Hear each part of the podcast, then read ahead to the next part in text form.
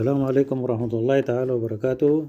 أحييكم من مساحة مساحة للصديقة ومنظمة كير. أنا وحيد أحمد علي آه، أقدم آه، هذه النقاط لتلاميذ الصف الثامن من الجالية السودانية الذين يجلسون للامتحان هذا العام. أود أن أذكركم أبناء التلاميذ بنقاط مهمة جدا وهي كالآتي أولا مجموعة الأعداد الطبيعية هي مجموعة جزئية من مجموعة الأعداد الكلية ومجموعة الأعداد الكلية مجموعة آه، جزئية من مجموعة الأعداد الصحيحة ومجموعة الأعداد الصحيحة مجموعة جزئية من مجموعة الأعداد النسبية ومجموعة الأعداد النسبية مجموعة جزئية من مجموعة الأعداد الحقيقية.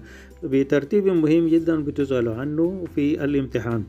ونود أن أذكركم بهذه العبارة والجملة التي يحمل آه، الحروف الأوائل منها هذه المجموعات. آه، وهي طارق كتب صفحة نافعة حقا. فالحروف الأوائل من هذه الجملة تشير إلى مجموعة الأعداد الطبيعية والكلية والصحيحة والنسبية ومجموعة الأعداد الحقيقية. وأيضا تذكيركم بالأعداد النسبية وهي كالآتي. أولا كل عدد نسبي مقامه إحدى قوة العشرة يسمى عدد عشري. ثانيا يكون العدد النسبي المبسط عددا عشريا فقط إذا كانت عوامل مقامه قوة للعددين الأوليين اثنين أو خمسة. ثالثا العدد النسبي العشري يمكن تحويله إلى صورة كسر عشري منتهي. رابعا إذا كان حاصل قسمة بسط العدد النسبي على مقامه يتكرر فيه نفس الرقم أو الأرقام بصورة غير منتهية يسمى العدد عدد نسبي دوري.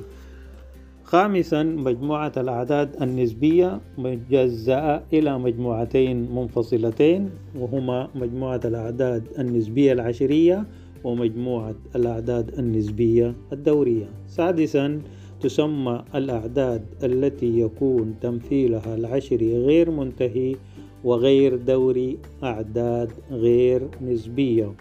ويرمز لها بالرمز نون نجمة. ولا يمكن التعبير عن مثل هذه الأعداد على الصورة ألف على باء صورة العدد النسبي. آه سابعا يوجد تقابل بين نقاط آه مجموعة نقط خط الأعداد ومجموعة الأعداد الحقيقية. هذه النقاط عن الباب الأول. أما النقاط المهمة التي يجب حفظها أيضا في الباب الثاني هو باب التطبيق أو العلاقة.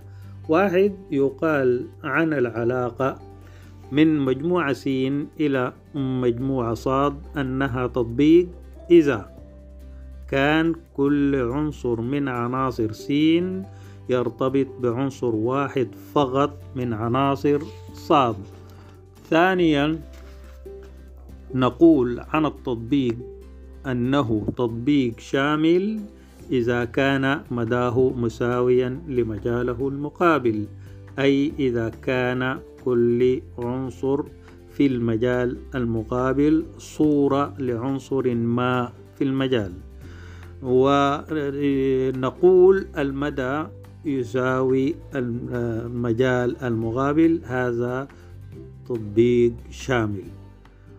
وإذا كان المدى لا يساوي المجال المقابل إذا هذا التطبيق غير شامل.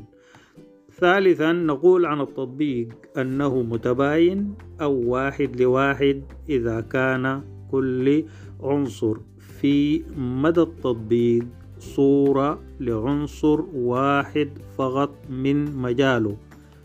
صورة لعنصر واحد فقط من المجال من مجاله. رابعا يكون التطبيق تقابل إذا كان شاملا ومتباين خامسا يكون التطبيق العكسي موجود إذا كان التطبيق تقابل أو شامل ومتباين. السلام عليكم.